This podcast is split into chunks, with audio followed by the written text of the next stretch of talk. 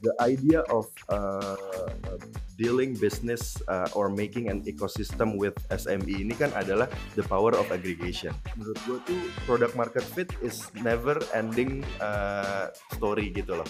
Ya jadi lu nggak bisa klaim bahwa gue punya gue udah dapat product market fit. Gue nggak pernah berani ngomong itu. Kadang-kadang kebanyakan uh, startup dan ya teman-teman kita juga ngerasa bahwa ngerasa paling tahu sendiri gitu loh. Ini saya yakin, gue yakin ini solusinya gitu loh. Padahal kita we are not pelakunya kan, gitu kan. Hi, I'm Italo Gani. I'm Zahra, and you are watching Impact Talk. Where we have in-depth conversation about building and growing startups. With the people that was there from the start. No fluff, no sparkling stuff. We dive in and tease out valuable insights and applied knowledge from our created guests. So that you can grow your startup and build successful company that will last. So, get ready to catch because someone is about to drop some wisdom. This is Impact Talk by Impact 2. This podcast is supported by Cominfo, Mitrans, WGS Hub, and Panasonic. Oke, okay, welcome builders to Impact Talk by Impact 2 season 2 gitu ya. Jadi um, kita udah beberapa episode udah lewat nih gitu. Kita udah diskusi soal banyak ada mulai dari legal, we start ngomongin tentang manufaktur juga kemarin gitu founder-founder yang creating a difference di industri-industri itu. Nah, yang menarik sebenarnya adalah um, ini gue udah bertemu dengan founder yang hari ini kita mau ketemu ini tuh udah dari tahun 2020 gitu ya. Dan um, the growth is kayaknya super fast ya Mas nih kayaknya ya. Jadi um, kayaknya very interesting untuk ngobrol hari ini. Kita akan ngobrolin soal ini supply chain gitu kan ya. Hari ini kita ngomongin supply chain is a very fun industry to tackle gitu problemnya banyak end to end gitu kan. Dan hari ini kita ngobrol sama salah satu founder yang ada di Impact to Collective juga namanya adalah Mas Agil. Katanya gak boleh panggil Mas ya gue ya, iya. sebagai Gil, Gil Agil dari Praktis, CEO dan co-founder dari Praktis. Hai Mas Agil nih boleh say hai. Hai, hai.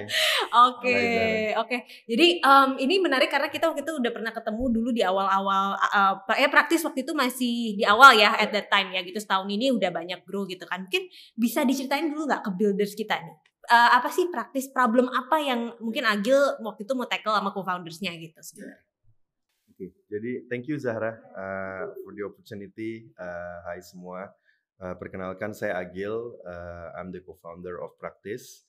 Uh, talking about practice mungkin kalau ngejelasin praktis nih bisa dua cara ya in the, in the long way or complicated way or simple way gitu but I try to simplify uh, what is practice and what we are doing gitu uh, basically kami adalah supply chain enabler untuk uh, eh, SME and we're focused on uh, specific industry verticals which is itu di fashion beauty uh, uh, products gitu ya. Nah, kalau misalkan uh, dibilangin uh, coveragenya supply chain itu apa?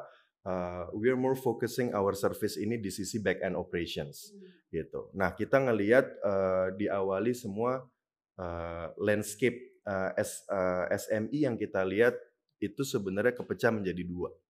Gitu ya. Ada uh, yang fokusnya itu lebih ke arah udah uh, ngerti jualan punya produknya how to sell gitu kan ya punya brandnya ya kan. Uh, that we call it sekarang uh, ekosistem itu disebut sebagai direct to consumer brands ya kan. So those uh, uh, players merupakan uh, klien kita ya kan dan satu segmen SMI yang berikutnya ini adalah teman-teman yang punya kompetensinya technical yeah. gitu. Uh, how to produce the product gitu kan. Tahu uh, produce the product. And uh, se selama ini yang kita lihat semua itu misleading karena sebenarnya dua segmen SMI ini perlu uh, saling berkolaborasi gitu loh. Hmm. The one yang jago ngejual sama the one yang bisa memproduksi itu ya itu harusnya collaborate each other saling strengthening hmm. gitu nah tapi membutuhkan uh, uh, sebuah uh, platform ataupun uh, partner which is practice yang try to value add in the uh, supply chain ini gitu kan ya untuk bisa make the collaborations happen. Hmm. Gitu. So mungkin ya ya ya di situlah letak uh, letaknya praktis gitu ya sebenarnya. Kalau sekarang praktis berarti uh, fokusnya apa nih? Uh, kan sebenarnya kalau kita ngomongin tadi SMI luas banget SMI itu wide banget gitu ya mulai dari sektornya, mulai dari mungkin uh, tipe uh, tipe SMI juga ada yang kecil banget, ada yang besar. What type of SMI that you trying to reach ya sebenarnya sekarang ini di praktis? Oke. Okay Jadi uh, sebenarnya kalau kalau ngomong uh, type ya, basically we want to uh, reach sebanyak mungkin gitu kan. We want to make impact ya kan. Dan pengen juga uh, uh, kita nggak pernah mau ngelimit bahwa oh yang bisa kerja sama kita skalanya harus segini dulu gitu. Tapi memang uh, the idea of uh, uh, dealing business uh, or making an ecosystem with SME ini kan adalah the power of aggregation gitu. Karena SME is small by nature kecil-kecil gitu kan. Tapi ya kalau makanya that's why kalau mereka sendiri-sendiri itu uh, sulit untuk berkembang ya kan we have to grow together nih gitu. Nah jadi kita pengen gitu ya. jadi menggunung ya. gitu loh. Yeah. karena uh, satu-satu kecil tapi kalau udah hundreds thousands and even more the powernya even mungkin bisa ngalahin uh, corporations gitu. Jadi uh, uh, that's the idea. Kita nggak mau ngelimit jumlahnya. Tapi memang uh, kalau ngomong tentang sweet spot gitu ya, sweet spot uh, yang uh, sekarang ini uh, join sama ekosistem kita itu biasanya memang bisnisnya harus established. Uh, mereka punya uh, generating revenue itu roughly udah di atas 100-200 juta satu bulan, ya kan? Uh, ini ini perfect fit buat kita, ya. Why? Karena at that level itu uh, kompleksitinya mulai beda gitu. Ini bisnis masuk di skala yang mulai dari kecil ke fase medium gitu. Iya, iya. Everything is escalated gitu ya kan kayak uh, organisasinya terus abis itu skala transaksinya juga and they need partners. Iya benar. Jadi memang um, tadi ya sebenarnya karena kalau misalnya mereka bergerak sendiri gitu, kadang-kadang um, apa namanya both sides kan ya, mulai dari yang branding side-nya tadi sama yang sorry DTC ya. Kalau kalian ngomongnya direct to consumer ya sama yang mungkin produsen lah bisa dibilang uh, kalau mereka bergerak sendiri nggak akan bisa scale lebih besar sebesar saat uh, ini gitu ya. Oke, okay, interesting. Uh, Gil, waktu lu mulai di awal gitu ya um, sama co-founders gitu kan. Do you started langsung digital? Karena SM ini typically kalau langsung digital pasti ada reluctancy to actually try gitu kan ya atau memang dulu oh kita coba dulu manual deh gitu kan. Boleh diceritain nggak di awalnya banget tuh waktu pertama kalian oh ada ada masalah ini gue mau solve gitu. Itu gimana sih? Very interesting questions ya. Uh, we know from the beginning bahwa digitalization is uh, the key gitu. Will be the solution gitu ya. Jadi ujungnya kita tahu untuk bisa uh, make it happen itu solusi uh, idealnya adalah digitalizations. Tapi we started uh, bener-bener itu purely manual ya kan with several reasons gitu. Pertama adalah yang Zahra tadi bilang, emang ngomong tentang digitalizations itu uh, uh, kita butuh waktu untuk nge-educate juga marketnya gitu. Karena apalagi ngomong tentang SME, capability mereka tentang digitalizationnya juga masih rendah gitu. Kalau you want to enforce it langsung di awal, either reluctant sama sekali abis itu nggak mau ketemu ya kan, uh, atau abis itu ya uh, fail gitu. Jadi ibaratnya sistem yang dibuat itu juga sia-sia.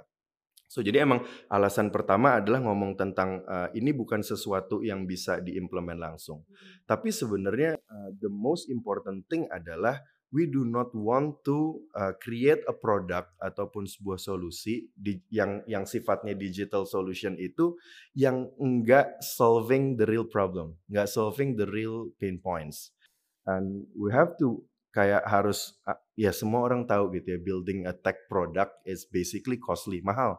Orangnya mahal ya kan infrastrukturnya mahal ya. If you fail gitu kan ngedesain apalagi kan itu takes a lot of effort ya kan. Lu ngelakuin sesuatu apa belum apa-apa udah bikin digital produknya ya I'm sorry ya mungkin uh, sebagian orang nggak semendapat sama saya gitu ya. Cuman gue sih ini maksudnya dari sisi dari sisi uh, eh, gue uh, berdasarkan dari apa yang kita alamin gitu ya. Uh, menurut kita cara yang kita ambil uh, saat itu dan kita rasa ini adalah cara yang tepat, nggak ngelakuin itu dulu gitu loh. Karena banyak solution sebenarnya yang simply masih bisa kita lakuin dengan manually. I, I mean manual is not real kayak manual, manual gitu, gitu ya, ya gitu. Karena sekarang kita juga standar teknologi kita kan juga ada. ya. We have a spreadsheet, Excel segala macam. Dan with simple coding lu pakai pakai VB or apa gitu kan di dibikinin uh, ininya itu bisa kind of yang very simple prototype yang gitu lu ya. bisa bikin kind of MVP tapi uh, ya kita sebutnya itu semi manual lah gitu ya. karena back end prosesnya mungkin masih banyak yang Betul, manual gitu. that's true. And even once kita, jadi kita staging ya gitu. Di awal benar-benar yang kayak uh, uh, hampir kayak semi manual yang all the system, everything. Kita selalu bilang dari awal kita produknya emang dibikin gitu lah. Produknya dibikin tapi uh, digitalization atau sophistication levelnya itu beda gitu. Mulai dari kelas yang pakai spreadsheet, di coding sedikit di belakang, terus ini kayaknya mulai agak uh, harus lebih di extend lagi dan kita coba use uh, beberapa open source platform gitu kan yang simply sebenarnya uh, basic flow-nya kita bisa pakai tapi we can uh, get it kind of for free lah gitu ya. Karena buat apa? Mau tahu dulu sebenarnya solusi yang mau kita kasih itu dimakan nggak sama customers gitu. Kadang-kadang kebanyakan uh, startup dan ya teman-teman kita juga ngerasa bahwa ngerasa paling tahu sendiri gitu loh. Ini saya yakin, gue yakin ini solusinya gitu loh. Padahal we- kita we are not pelakunya kan, gitu kan. Lu ngerasa lu bikin, pas dibikin orang yang lakuin bilang enggak ini enggak, Enggak, enggak masalah apa-apa." saya gitu. Dan iya. bye bye gitu. Sementara cost udah gede dan Iya, iya, iya, iya, iya. Nah, eh, kalau di kasus kalian berarti tadi ya, jadi banyak menggunakan mungkin kayak tools-tools yang no-code tools gitu lah ya, yang sangat very simple that you can actually try to prototype gitu kan, and then coba di deploy aja. Berapa user pertama sih gini? Berapa sih the, how siapa sih the, the first users ini? Kalian gimana how you convince itu dulu sih?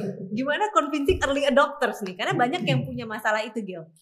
Sure. Jadi eh, ini ini emang sesuatu hal yang eh, sulit dan kalau kalau gue mau ceritain back then itu ya kita kan bener-bener eh, start the idea kayak 2017 gitu ya. Akhir banget 2016 terus initiationnya di 2017 awal di di di mana eh, even kalau sekarang aja ngomong bisnis model praktis orang masih masih setengah-setengah abu-abu sebenarnya yang dilakuin tuh apa gitu ya. Tapi eh, imagine 2017. Imagine 2017 ngomong ini nggak ada yang ngerti sama sekali gitu kan ya. Dan uh, the concept of kayak collaborations apa segala macam kita ngomong uh, balik 4 5 tahun yang lalu teman-teman SMI kita jauh nggak nggak nggak open mind kayak sekarang gitu loh. Mereka ngerasa buat apa saya collapse ngeri banget. Saya masa collapse dengan yang punya potential konflik. Bisa jadi potensial jadi kompetitor. Ngeri. Padahal sebenarnya di idea ini kan adalah sharing resources. Iya, gitu loh. Idenya itu adalah getting economies of scale. Gitu loh. Even we know uh, even bigger brands, big corporations itu do such collaborations untuk dapetin economies of scale. Even though dia tahu di market mereka competing. Gitu. So idenya itu emang luar biasa uh, luar biasa uh, sulit gitu ya.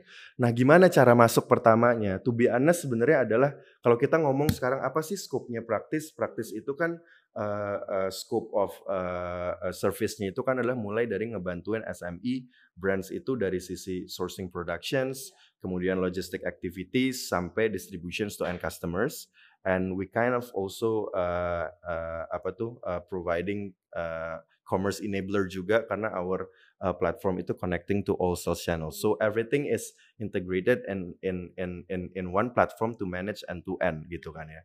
Nah tapi uh, uh, di titik itu ngomong ke SMI kanan sama kiri nggak ada yang mau gitu. Gimana caranya kita bisa mau? Kita tahu ini solusinya, tapi cara masuknya adalah we talk to them, try to understand dulu the real problem yang mereka rasain apa. Gitu. Karena kadang-kadang market itu bukannya dia nggak butuh produknya, tapi dia belum aware aja dia belum butuh. tahu dia butuh. Dia Benar. belum tahu dia butuh. Benar. Gitu. Nah, untuk di saat kita tahu customer kita itu dia belum aware dia butuh, jangan paksa ngobrolin produknya. Iya. Jangan paksa, itu buang waktu. Hmm. Itu itu buang waktu sama sekali. Mendingan duduk sama mereka, tanya dulu. Ini ini untuk case yang bisnis bener-bener masih ya kayak kita ya, bener-bener nggak ada referensinya. Karena kalau ditanya referensinya apa sih yang kayak praktis nggak ada. Iya. Itu juga. Nggak ada bisnis model yang similar sama Masih kalian. similar gitu kan, even close to us tuh value propositionnya tuh nggak ada gitu. Jadi kita mau mau ngasihin uh, uh, justifikasinya juga rada susah. Makanya we talk to them, tanya dulu. Yang penting dapetin trust. Ujung-ujung kan untuk dapetin early adopters itu dapetin trust. Nah trust level itu bisa naik ketika mereka ngerasa gue dibantu. Nah, Iya benar. gitu. So to be honest Mbak gitu ya, kita sebenarnya uh, uh, di awal itu nggak pernah mau masuk ke uh, sisi managing the logistic part. Oke. Tuh. Karena udah banyak playersnya mungkin ya. Udah banyak. Kita juga tahu dari awal karena ya kebetulan uh, ya saya juga saya juga sekolah supply chain Iya, gitu ya. We know exactly logistic business is different, Different lah, animal and it's tough ya Iya, kan. tough. Habis itu ini capital intensive Iya, everything gitu ya. Cuman di titik itu kita tahu masuk angle-nya itu semua brand ini posisi 2017 e-commerce lagi mulai rada nge-booming. Jadi eh, kalau kita ngomong eh, landscape-nya waktu itu brand-brand lagi shifting mulai yang dari sifatnya distro base mulai dia bisa punya website sendiri, Sendiri. e-commerce mulai jalan. Iya. Nah, ini punya challenge baru gitu karena they have to deliver the goods uh, directly to customers, manage the warehouse everything. Yang sebelumnya problem itu nggak ada karena simply dia punya toko, taruh barangnya di toko, customer yang datang, Iya. ya kan? Mau nggak perlu sesimpel gini deh hal yang paling simple. Kalau kita ngomong distro, nggak perlu tuh, nggak peduli tuh barcode SKU. Karena customer itu ngelihat apa yang dia lihat, dia beli, dia bayar, Hmm, ya kan ya. iya. Sementara ngomong tentang e-commerce, eh, hal-hal yang sifatnya administratif yang sebelumnya itu nggak penting jadi matters. Karena customer sebelum beli ngelihatnya gambar, Iya. warnanya beda sedikit Dikit. aja, komplain. gitu. Komplain Padahal kalau kita taruh di, Marah ya kan? iya kalau taruh di toko nggak masalah orang dia pegang sendiri. Iya, gitu. iya, iya. So, iya, oh iya. kita lihat, oh masuk ke brand daripada ngomongin konsep praktis yang berlebihan, kita masuk aja dulu dari problem yang dia butuhin. So we started dari situ Oke. gitu. Walaupun jangan pernah lupain end End goalnya. goalnya gitu. Jadi itu Gitu. jadi kayak the foundation yang nanti lama-lama Betul. kebangun Betul, gitu kan, betul. menjadi end goalnya. Gitu. Betul. Jadi cari angle di mana yang kita tahu si customernya itu sekarang ngerasain perlu. Karena begitu dia ngerasain perlu, they will to pay, ya kan? They want to uh, uh, listen gitu kan apa yang karena dia oh ini saya perlu, saya problem. Gitu. Tapi if you talk about something yang dia ngerasa gua nggak perlu atau menurut dia ini nggak penting, setengah mati deh. Akhirnya kalaupun lu mau ngelakuin uh, uh, apa tuh enforce customer untuk pakai, you have to incentivize, you have to uh, subsidize iya, gitu kan, which itu subsidize. itu itu menurut gua dapet haram. ininya sih matrix product market fit itu lu nggak clear Ya, kalau ya, misalnya lu subsidize kan gitu Betul, ya betul. tapi em, ngomongin product market fit ya pingin tahu sih menurut Agil gitu ya do you ha- have you achieve gitu ya mungkin ya. Dan ini pertanyaan yang krusial karena mungkin dari numbers lu ngelihat oh growth-nya bagus atau gimana? gitu. Mungkin boleh di share nggak gitu Gua eh, kalau dibilang apakah kita udah dibilang fase punya product market fit atau enggak, eh, ya we are eh, di current current stage kita ini udah berada di bisnis yang udah running Ya, gitu ya, bisnisnya ada dan jalan. business. Ya, eh, hopefully, Hopefully sustainable bisa lah, sustainable. eh, gitu ya, Iya. hopefully sustainable. Ya, we believe it's sustainable. Eh, cuman kalau dibilang menurut menurut gue tuh product market fit is never ending eh, story gitu loh. Ya jadi lu nggak bisa klaim bahwa gue punya gue udah dapat product market fit. Gue nggak pernah berani ngomong itu gitu. Karena menurut gue eh, ya kita berkaca dari eh, berkaca dari eh, sejarah aja lah gitu ya. Eh, how Kodak fails, how BlackBerry fails gitu kan. Di titik dia mencapai kesuksesan yang setinggi itu definitely at that point they got their product market fit gitu. Tapi produk mereka itu nggak bisa evolving gitu. Karena the marketnya itu juga dynamics dan marketnya itu juga berubah. Ya jadi menurut saya product market fit adalah sesuatu yang terus dicari gitu kan kayak mencari eh, apa ya men- mencari mencari apa sih kayak kayak kalau lu mau ngedapetin ngedapetin sebuah sebuah goal dalam spiritual misalnya gitu itu sesuatu yang juga nggak pernah pernah berhenti nggak pernah berhenti ending gitu kan ya. Jadi kalau ditanya lu udah dapat product market fit?" ya, Nggak berani, berani ngomong ngomong gitu, gitu. tapi at least what I can say today adalah uh, uh, the market needs us gitu loh. Produk kita saat ini memang dibutuhkan sama market gitu. That's why the business runs. Business France ya. Ya, ya, ya, ya. Mungkin tadi kan lu cerita lu ada semi manual ya. Ya. Uh, nah, ini pingin tahu dong gimana sih waktu itu lu automating mulai automating tuh kapan sih? When do you start automating? Karena banyak yang mungkin sekarang jadi stuck di manualnya nih. Mereka, oh we're starting from manual and then when they wanted to shift digitally it didn't work gitu karena mereka Ya. telat atau justru kecepatan. Nah, Ya, ya. kapan sih Ya, sebenarnya ya. dibilang? Jadi uh, kapannya ini juga juga nggak ada jawaban yang pasti. At least di cerita lu gimana? Kalau di cerita kalau di cerita kita eh, kita ngelihat juga eh, tadi uh, bagaimana uh, situasi nih gitu kan antara supply dan demand. Yang pasti pertama gini, uh, digitalization, automation itu kan memang dibutuhkan uh, untuk accelerate yeah. everything gitu ya, accelerate proses, make it efficient, ya kan. Lu yang tadinya harus dengan manual lu perlu ngelakuin dengan 10 orang dengan automation jadi lima orang tiga orang atau even satu orang gitu kan ya. Jadi uh, trigger pertamanya adalah saat kita lihat ini udah nggak make sense lagi kalau kita terus lanjutin gitu kan. Yang pertama capability-nya. Kalau ngomong tentang uh, uh, just Excel base gitu kan ya The problem next step saat transactionnya skalanya rada gede, database-nya repot manage-nya. ya kan? Lemot juga Excel. Uh, lemot Excel-nya, ya kan mau dibuka pusing setiap ngeklik, habis itu muternya lama gitu kan. Itu udah tanda-tanda lu harus ngautomate lebih canggih lagi. Jadi kita ke trigger sama itu itunya. Which itu menurut saya, menurut gue sih itu hal yang normal dan semua orang pasti dapetin ya. Nah tapi Uh, kita pun juga harusnya pindah gitu kan. Dari yang tadi abis dari Excel base kita cari oke okay, ini harus bikin sistem yang rada lebih sophisticated tapi kita juga uh, akhirnya pakai dulu beberapa open source platform. Yang kita tahu uh, basic flow-nya masih masih mirip gitu kan ya. Jadi internally kalau ngomong tentang automation secara internally itu triggernya biasanya adalah di efisiensi sama capability ya kan? Nah, tapi ngomong tentang kalau kita mau make it scalable, then the digitalization ini kan harus di extend ke customer kita gitu. Dalam konteks praktis berarti ada dua nih customernya. Even lebih dari dua gitu kan ya. Pertama adalah tadi si brands, kedua adalah si uh, uh, suppliers, producers gitu kan. And the rest adalah supporting partners. Logistic partners kita, terus abis itu uh, uh, even ya sales channel ya marketplace, web stores dan kawan-kawan. Nah kita ngelihat dari situ, uh, ideally semuanya harus uh, automate gitu kan. Tapi pilih dulu supaya nggak buang waktu, pilih uh, point of digitalization-nya itu ke tempat yang mereka udah paling siap. Dalam konteks kita ngomong ke manufacturer sama ke brand, teman-teman di brand jauh lebih siap sama automation. Gitu. Dan kita lakuin ke sana dulu gitu. Jadi ini kan semua setting of uh, prioritization yeah, gitu loh. Even though kalau misalkan mau ngomong even though ya, kalaupun kita tahu impactnya ya kan ngelakuin digitalisasi di manufacture itu jauh lebih impactful yes. sebenarnya yeah. secara secara ini. Tapi kita juga tahu ini lama. Lama. gitu. It takes time. Gitu. Dan dan kita juga harus tahu kan kalau semua mau dilakuin berbarengan kan juga nggak fokus pertama nggak fokus ya. satu kedua mahal juga gitu jadi kita pilih dari uh, titik mana yang paling siap dan uh, itunya diberesin baru di part sebelumnya kita udah bahas soal journey uh, dari awal terbuatnya praktis gitu ya dari manual and then automated gitu kan dan sekarang lagi masih growing numbersnya gitu ya. Um, dan always growing mudah-mudahan gitu ya. Tapi di yang kali ini gue waktu itu uh, mau membahas sebuah diskusi kita. Karena kita pernah diskusi waktu itu lagi acara ke Dubai Expo ya. Terus kita di dalam di sebuah dinner nih kita diskusi gitu ya soal hal-hal yang uh, banyak bothering gue tuh sekarang banyak orang yang dari awal mencari langsung funding.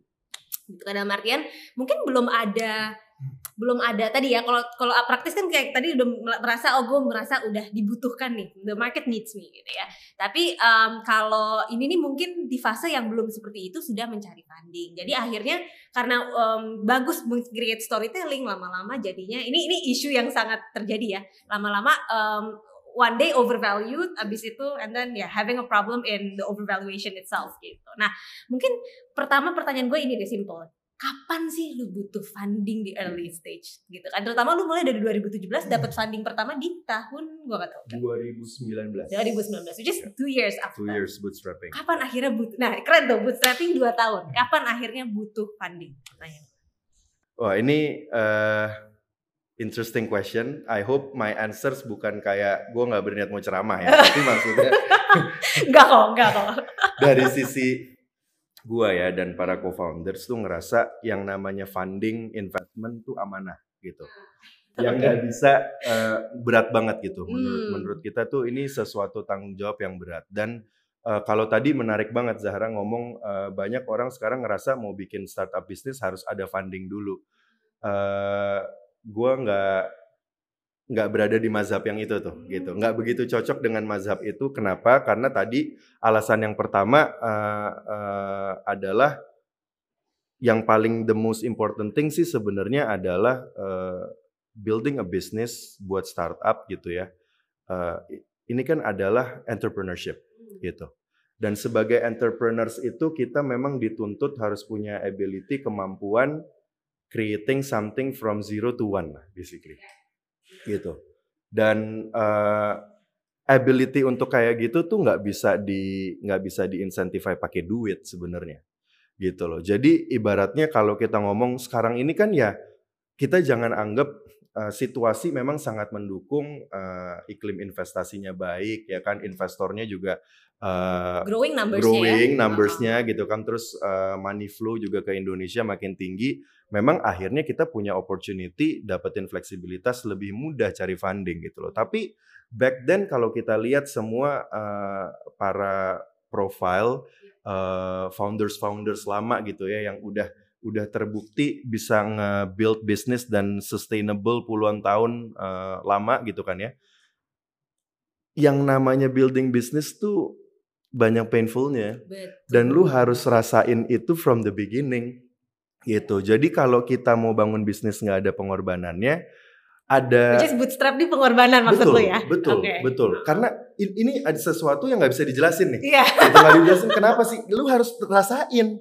Lu harus rasain sendiri kalau lu mau bangun bisnis coba ya kan lakukan itu either ya. Kalau emang lu butuh modal pakai uang lu sendiri dari from your, own, own pocket, pocket. Ya gitu kan? kan? Ya kan? Eh, if you kalau lu nggak mau kalau kalau nggak mau risking itu ya kan, then kerja aja.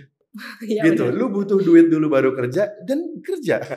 Gitu dan kerja gitu kan. Karena emang emang itu uh, different game juga gitu kan. Kalau lu mau memutuskan jadi entrepreneurs harus rasain fase itu. Karena fase itu yang ngasihin pembelajaran yang nggak bisa di nggak bisa dijelasin. Karena mungkin jelasin secara letterlek gitu ya nggak bisa. Karena uh, masing-masing journey orang dan typical bisnisnya mungkin beda-beda. Tapi itu very powerful kalau dirasain di di di dalemin gitu diresapin sama poin yang kedua yang tadi gue bilang, funding investment is amanah ya kan. Kita sangat takut sekali ya kan kalau misalkan lu udah punya uangnya but you don't know what to spend and how ya, to spend. Dia.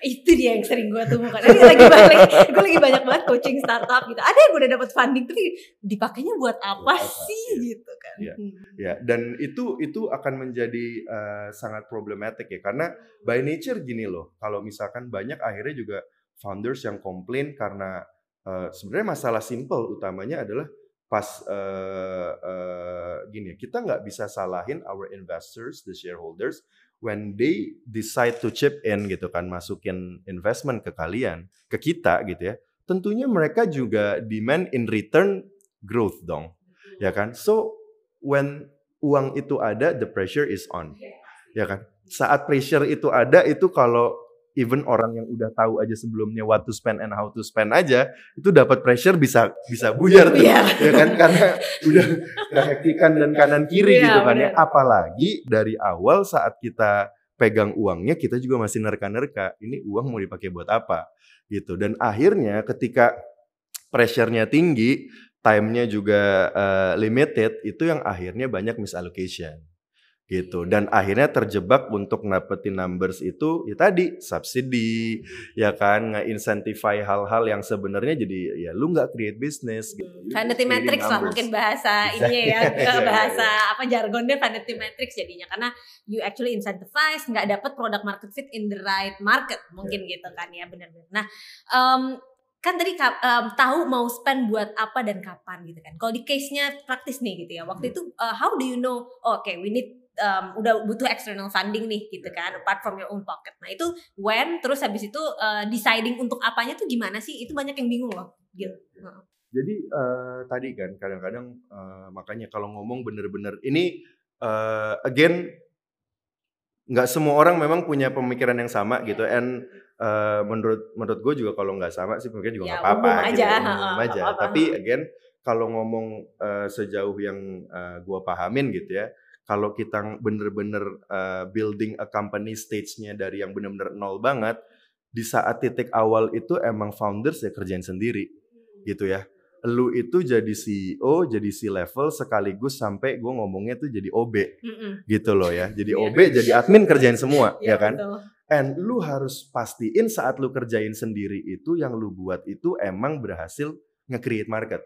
So that's the first step dulu gitu loh. Yang lu lakuin itu create market. Jadi kalau marketnya aja belum ke create, just an idea, menurut gua agak bahaya kita dapetin funding gitu. Once lu dapet market, ya kan, lu baru ada reason pertama tuh untuk bisa eh, eh, nyari funding. Kenapa? Karena saat marketnya ada, bisnisnya itu ada, transactionnya mulai jalan, dan you team.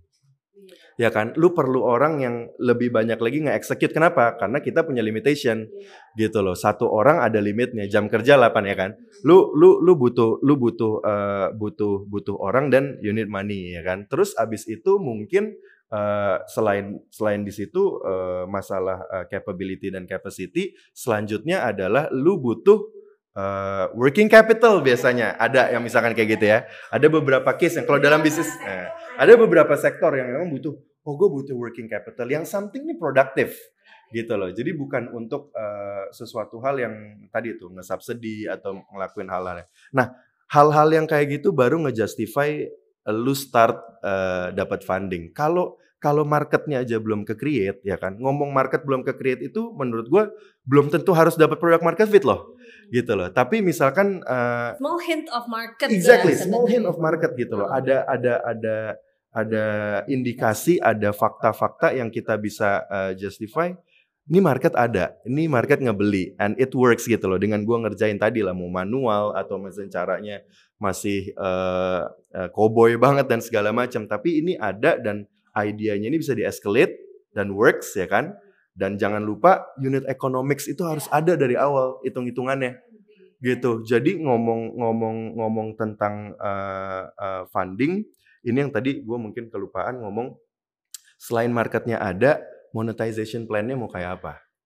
Ah, Kalau monetization plan-nya nggak ada, don't get funding. Kalau menurut, menurut lu, gua. menurut kita, menurut gue juga Kalau sih menurut sama. gua, kalau menurut gua, Iya. ya kan. If you are still trying to uh, testing the market segala macam, kadang-kadang mau testing untuk dapetin journey, mau ngedapetin uh, monetization plan juga kadang-kadang butuh waktu. Dan saat lu dapetin waktu itu juga uh, kadang-kadang butuh resources, butuh uang gitu ya. Tapi try to find another source of fund yang sifatnya jangan investment. Kalau menurut gua, ya karena ketika itu ngomong tentang investment, banyak sih cara yang dilakukan. Misalkan lu lihat, uh, ini mungkin beberapa tips gitu ya, yang teman-teman gua uh, uh, s- uh, banyak juga yang ngelakuin. Saat ini idenya oke, karena sebenarnya produk atau service yang mau dibikin ini based on kind of kayak uh, uh, ada aspek ESG-nya gitu kan atau ngomong tentang community building dan segala macam banyak yang yang sisi positif tapi memang monetization plan-nya ini masih kanan kiri nih gitu dan mungkin you can look for some grants ya kan atau misalkan memang uangnya nggak gede makanya jangan pikirin kalau yang namanya juga dapat grants kayak gitu ya kalau lu mau dapat fund jadi founder untuk mau jadi kaya ya, Kayaknya jangan jadi founder makanya gitu. jangan jadi founder Iya. gitu itu mungkin kayaknya agak salah, Salah alamat, ya kan alamat jadi gitu kan. jadi ini semua balik lagi dan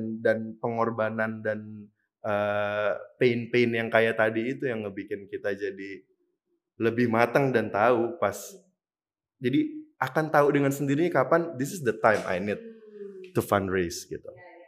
Dan ini sih uh, karena lu kan memang tadi yang ngomongin balik lagi jadi ngomongin founders ya gitu sebenarnya karena founders tuh sebenarnya tujuannya memang mau solve problem. Ya kan Yes, Gil ya yes, maksudnya yes, gitu ya. yes. Jadi memang um, apa namanya tadi kalau misalnya emang founder ini mau mencari uh, end goalnya is not solving the problem itu bisa jadi malah takutnya uh, jadi nggak sustainable bisnisnya khawatirnya ya.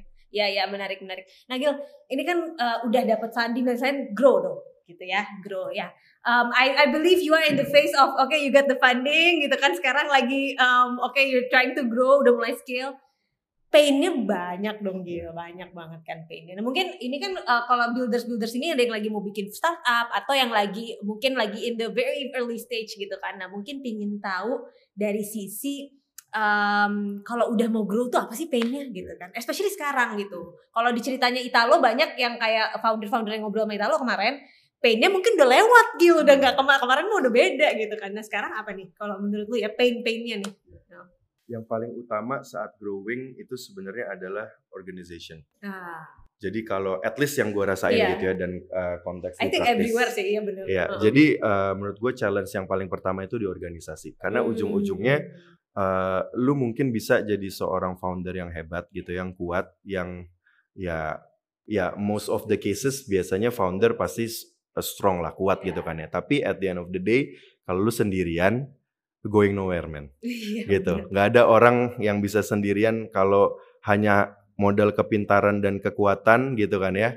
eh, nggak ada yang bisa gede gitu. Karena kalau bisa kayak gitu mungkin eh, ya company like Google and Facebook strong founders iya. cukup sendiri aja Sendiri gitu. aja. Ujungnya mereka ribuan juga kan Heeh, employee yang harus. benar. Jadi saat kita mau gede mau nggak mau supporting system tuh harus kuat dan nge-build itu eh, sangat tidak mudah. Kenapa? Karena eh, ngomong tentang organization eh, building ini bukan bukan exact kayak matematika gitu ya. Iya, benar. Ya jadi banyak artnya. Terus abis itu eh, most of the cases kita harus eh, ngelakuin trial and error ya kan. Which saat error pasti damage-nya langsung eh, kelihatan. Terus nah itu Iya, yang people kayak gitunya ya. itu aduh itu, berat ya. menurut gue sih Itu ya. people and organizations. Mm, mm, mm, mm. Especially gini sih, when you try to scale to a certain level, sometimes the skill set of the people that was there itu mungkin tidak relevan lagi gitu ya bisa jadi. That's true. Ya, gitu ya. ya. Kayaknya itu yang banyak ditemuin kalau lagi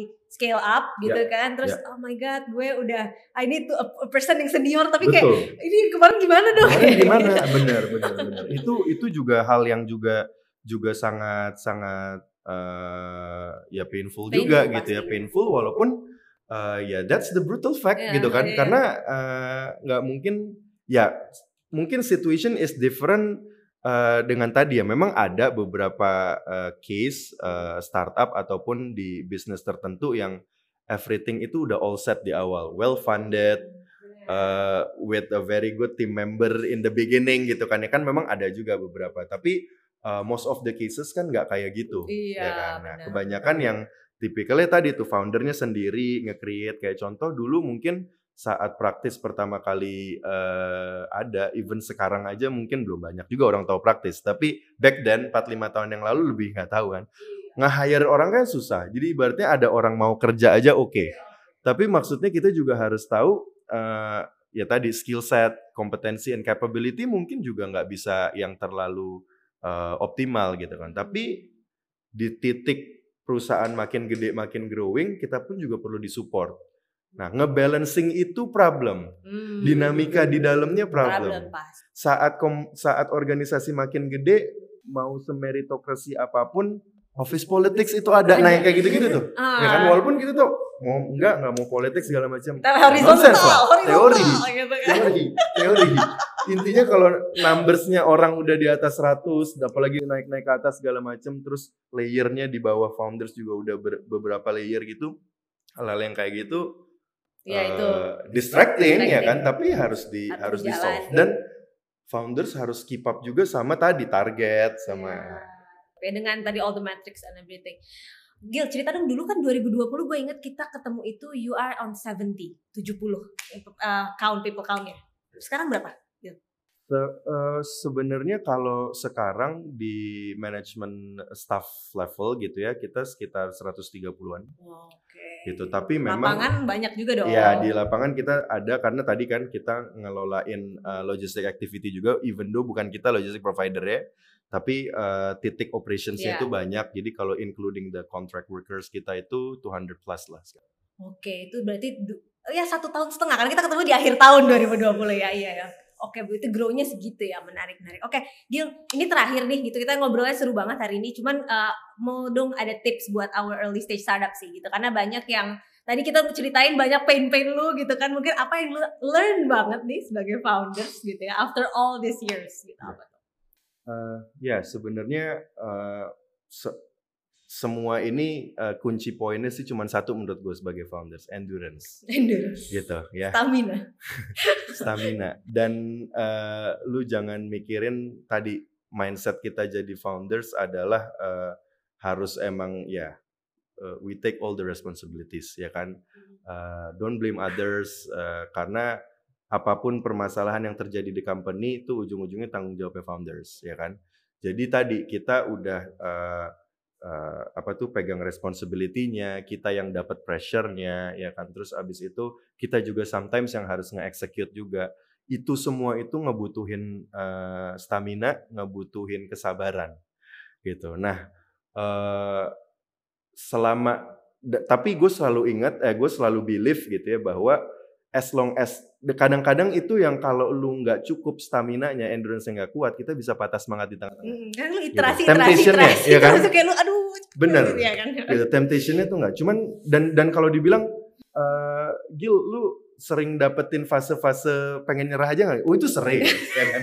itu okay. kalau lu nggak jadi jadi founder nggak pernah ngerasa apa gue nyerah aja gitu. Itu mungkin kayaknya belum belum real kali jadi founder. Jadi itu sering, tapi bukan berarti uh, dan kalau menurut gue saat itu uh, ada itu suatu hal yang lumrah. Tapi jangan nyerah gitu. Gue selalu keinget uh, ceritanya uh, foundersnya MW gitu ya. If I'm not mistaken, the story-nya itu dia dapetin the first client MLM-nya itu after presenting ke 1001 orang ya. Imagine kalau dia stop di 999 nggak ada tuh company. Ya kan dan gue ngerasa selalu selalu pikirin uh, ada apa pepatah yang bagus tuh kalau saat lu lagi putus asa liatin cerita-cerita pengorbanan orang yang jauh lebih susah dari lo gitu ya. Ya jangan jangan lihatnya ke atas gitu. Jangan lihat yang gampang, lihat yang bawah gitu kan. Kayak kita ngomong tentang masalah konsep uh, rezeki juga gitu kan supaya lu bisa uh, ikhlas dan bisa uh, apa tuh hidup tenang jangan selalu ngeliat ke atas. Lihat ke bawah yang lebih susah dari lu. Ya kan? Jadi saat lu lagi ketemu masalah lu pikirin yang lu dapetin masalah ini belum segimananya. Masih banyak orang lain yang dapetin problem jauh lebih sulit tapi dia bisa laluin. Nah itu aja yang lu harus punya. Harus punya ada story-story uh, yang ngingatin jadi reminder terus. Dan menurut gua ya hopefully insya Allah itu yang yang akan bikin bisa kita sustain lah ya. At, at least kita uh, as, as an entrepreneur endurance-nya terus ada gitu ya when you feel ini ya. Uh, menarik banget nih Gil, thank you so much. Nih kita udah datang ke kantor Agil, baru pindah kantor nih Gil gitu ya. Semoga cepet selesai renovasinya. um, thank you so much juga kita udah sharing banyak banget gitu kan. Uh, dan paling penting memang tadi ya endurance as a founder dan juga uh, banyak tadi hal-hal yang menarik mengenai bootstrapping tuh ya. Mungkin buat teman-teman early stage startup bisa banget di di uh, di, di ilhami gitu ya mengenai mungkin the journey of bootstrapping is very important for you to understand banget how to become an entrepreneur dan to grow the product itu what it is um, nantinya gitu. Oke, okay, thank you so much semuanya. Jangan lupa buat teman-teman untuk subscribe, uh, like dan komen juga YouTube-nya Impact Talk di Impact 2 uh, dan juga follow Instagram kita di impacttalk.io. See you in the next episode. Bye. Hi guys. Don't forget to follow us on our social media and stay tuned for our upcoming practical knowledge videos only at Impact Talk.